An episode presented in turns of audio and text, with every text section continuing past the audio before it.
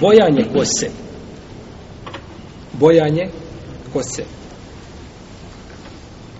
Pohvalno je čovjeku da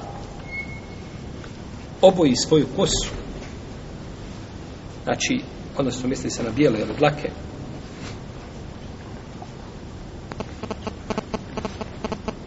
Prenosi se od džabira da je poslanik sa osneme da mu je doveden Ebu Kuhafe to otac Ebu Bekra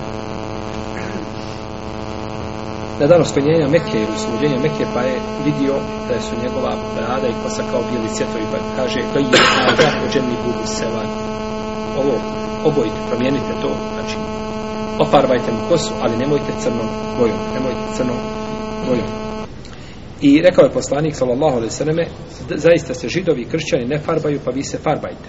Tako bilježe Buhari i Muslima, prethodni predaj bilježi imam Muslime Nesaje. I farbanje biva sa najbolje sa čime? No.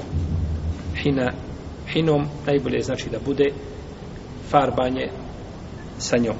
No, međutim, zabranjeno je u principu šta? crnom bojom. Kaže poslanik sallallahu najbolje čime se može to ofarbati jeste hina o ketm. Ketm je to je ili ketem to je vrsta bilja koje je bilo poznato u njihovo vrijeme. Što se tiče farbanja sa crnom bojom, to je zabranjeno. Rekao je poslanik sallallahu alejhi ve sellem u hadisu koga bilježi imam Ebu Davud i Nesai, imam Ahmed, kaže se je kunu fi ahiri zaman rijalun jasbigune bis sevad ili unasun jasbigune bis sevad ili kaumun jasbigune bis sevad ke havasil il hamam la jeđiduna rihal džene biće ljudi koji će se bojati u crno misli se na muškarce i na žene neće ni osjeti miris dženeta a, neće osjeti miris koji se čuje na toliko i toliko udaljenosti kako onda da uđu u džennet? ako neće osjeti šta? Miris, je li tako? I isto tako prethodni hadis Ebu Kuhafe, kada je poslanik sam rekao, šta kaže?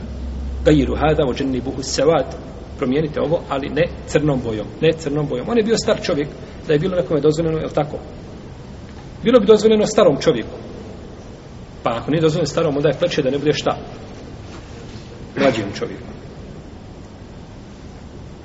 Jer star čovjek, znači, iako jedan dio uleme kaže, jedan dio uleme kaže da je dozvoljeno da čovjek ako je u, u džihadu da se farba u crno. Kažu u tom slučaju. To je mišljenje, čak Ibn Hajar i neki drugi spomnio konsensus. Ako je konsensus potvrđen, ispravno je. Iako hadis nisu napravili razliku. Ali ako je konsensus došao do leme, onda će biti ispravno. No, međutim, to je, to je zabranjeno.